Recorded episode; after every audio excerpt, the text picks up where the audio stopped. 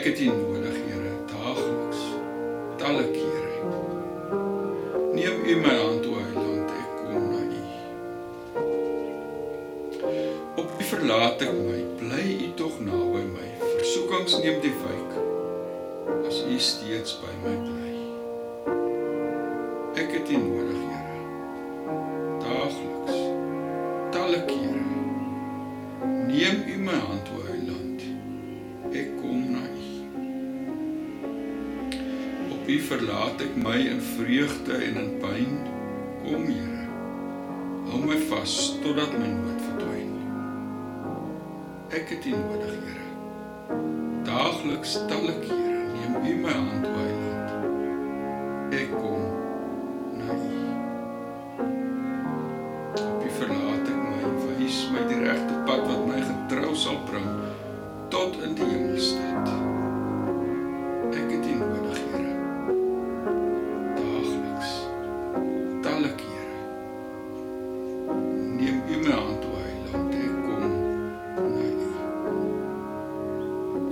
U verlaat ek my, o Vader, Seun en Gees. Ek kan niks beter vra as naby U te wees. Ek het U nodig, Here, daagliks, talle kere.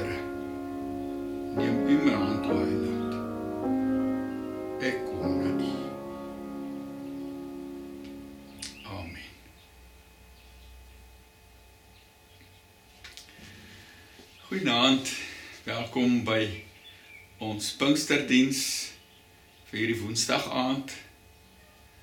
Mag die Here vir jou en vir my ontmoet deur sy woord en deur sy gees. Mag hy ons gebede opvang wanneer dit voor sy genade troon opstyg. Ons gaan ons diens vanaand begin met die sing van die oorwinningslied. En ek nooi jou uit om saam met my en Elmien hierdie lied te sing.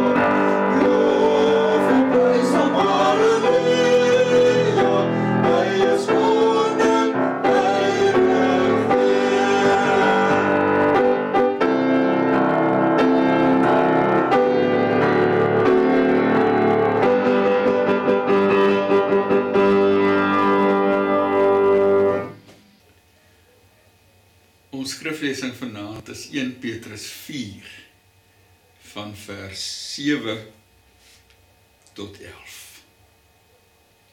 Maar voor ons dit saam lees, kom ons word stil.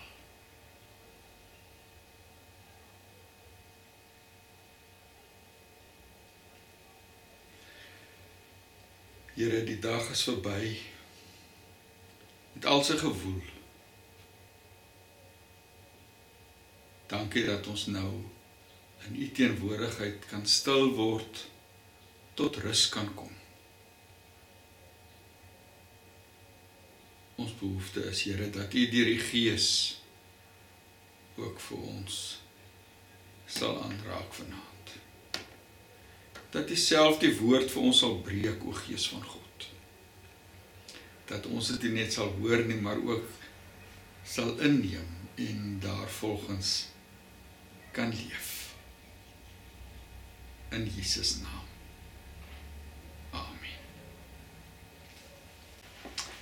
Dien mekaar met julle gawes. Die einde van alles is naby. Daarom moet julle self beheers en nugter wees sodat julle kan bid. Bo alles moet julle mekaar hartlik lief hê, want die liefde bedek baie sondes. Wees gasvry teenoor mekaar sonder om te kla. As goeie bedienaars van die veelvoudige genade van God, moet elkeen na mate hy 'n genadegawe ontvang het, die ander dien. As iemand die gawe ontvang het om te preek, moet God deur hom aan die woord kom. As dit is om in die gemeente te dien, moet hy dien met die krag wat God verleen. So moet julle God in alles verheerlik deur Jesus Christus aan wie die heerlikheid en die krag behoort tot in alle ewigheid. Amen. Dit is die woord van die Here.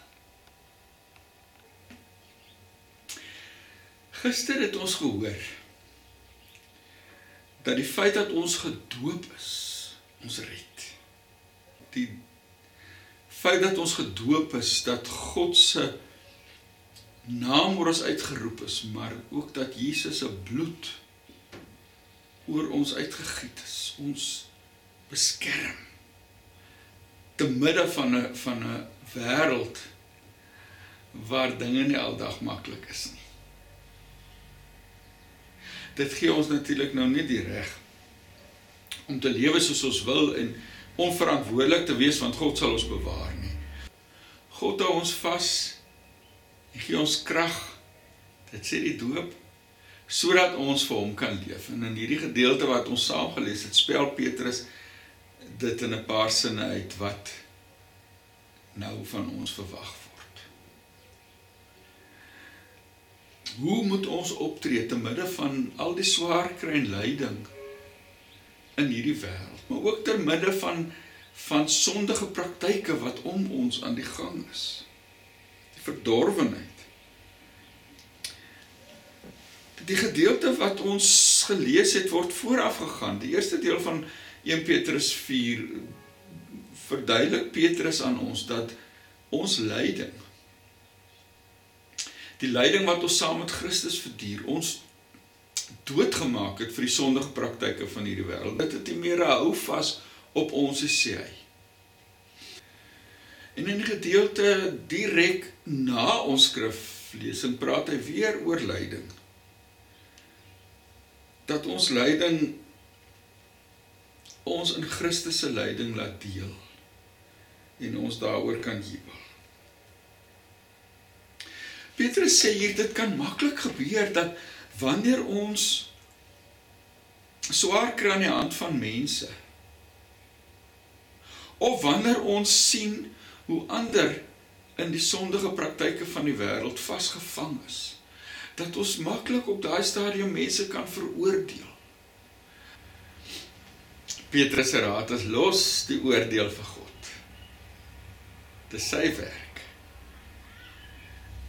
Hy sal dit aan die einde van die van die tyd doen en en hy weet beter as ons hoe om met mense te werk. Ek kan dit daar in vers 5 en 6 lees. Die dinge sê hy sal aan die lig kom. Ons is in die eindtyd. En daar is nie tyd nou om ons moeg te maak, op te maak oor ander mense nie. Ander mense se doen en late nie. Hy sê nou is die tyd om selfbeheerst en nugter te wees.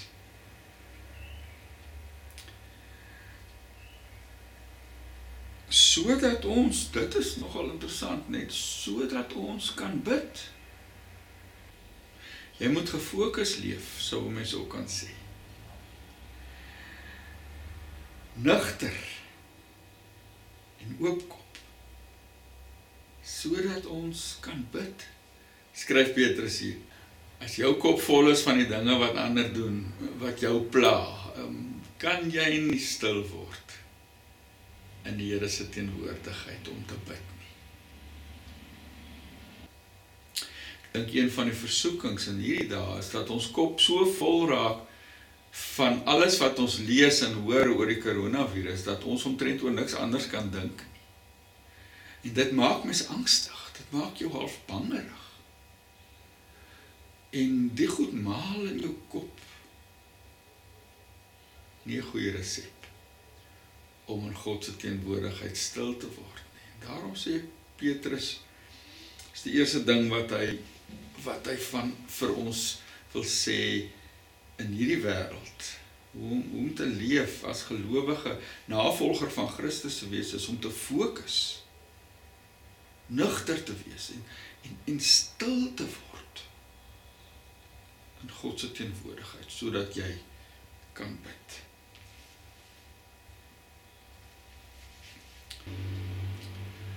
Die tweede ding wat Petrus sê is dat ons mekaar hartlik moet lief hê. En dit vra van ons om op ander se goeie punte te fokus. Dit bedek 'n menigte sonde skryf hier. So ek is bevrees kinders uit. Kyk na ander en sien die mooi in hulle lewe raak. Dit vra oefening. Dit kom nie van self nie. Maar ons moet daaraan werk as ons vir Christus wil volg.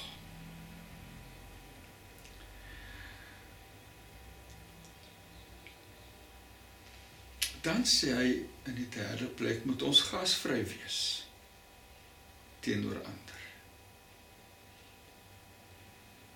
Dit beteken dat jy ruimte in jou hart en in jou lewe maak vir ander.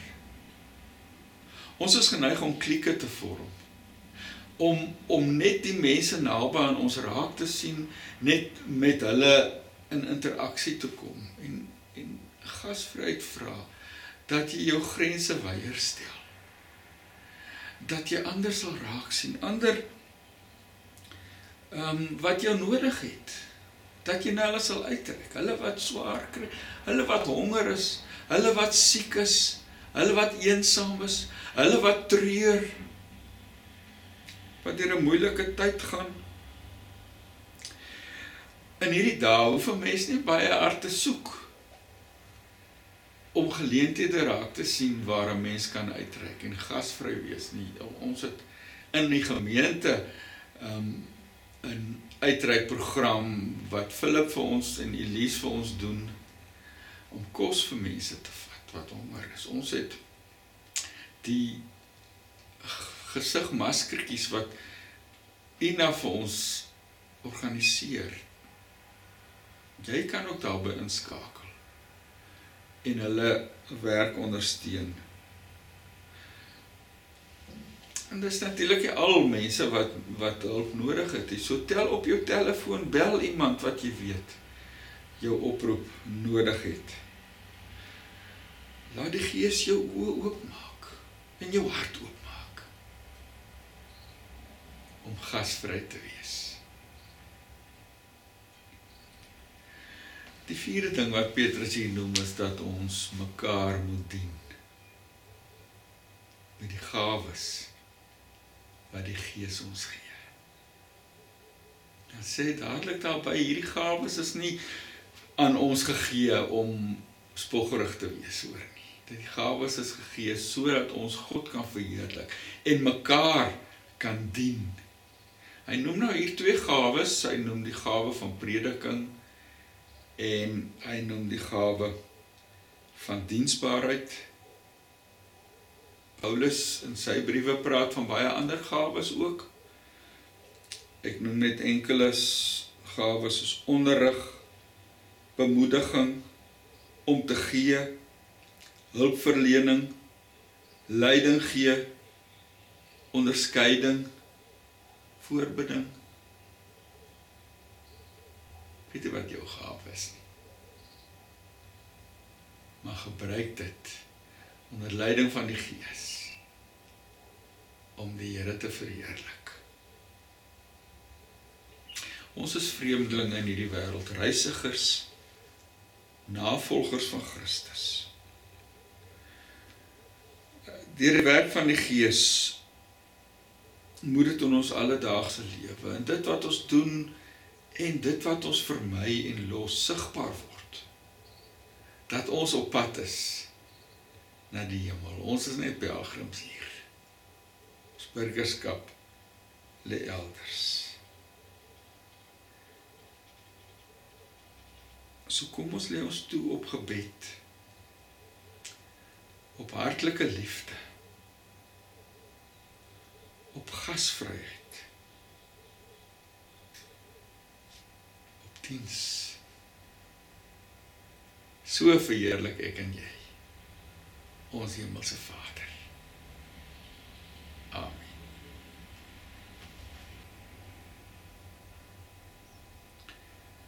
Petrus skryf ons moet selfbeheers en nugter wees sodat ons kan bid. Ek wil nou geleentheid gee vir gebed. Praat met die Here. Iemand het gesê gebed is om in God se teenwoordigheid te droom oor hoe hierdie wêreld kan lyk as God se koninkryk regtig kom. En dan jouself vir diens aan te meld sodat God jou kan gebruik juis om sy koninkryk te laat kom. So kom ons word nou stil. Kom ons droom in God se teenwoordigheid oor vanaand se boodskap. Hoe lyk jou gebedslewe? Is jou kop skoon sodat jy kan bid? Hoe gaan dit met jou liefie?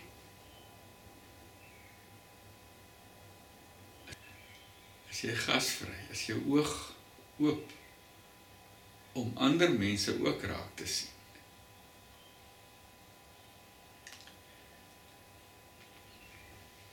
Dan praat met die Here oor oor jouself. Watter gawes het die Here vir jou gegee sodat hy jou kan gebruik?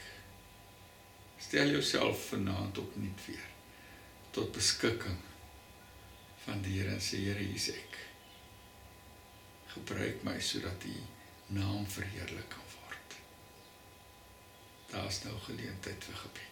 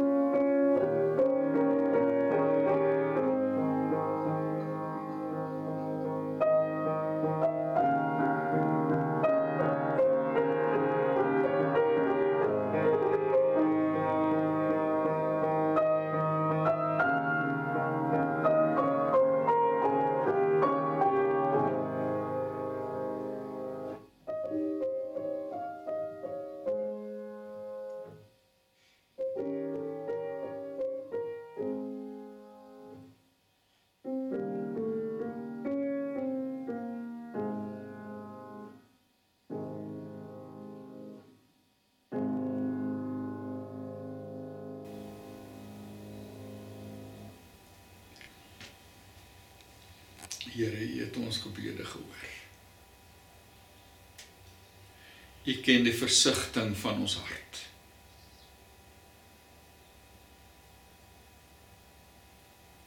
Weef dit in, Here, in die tafereel van U raadsplan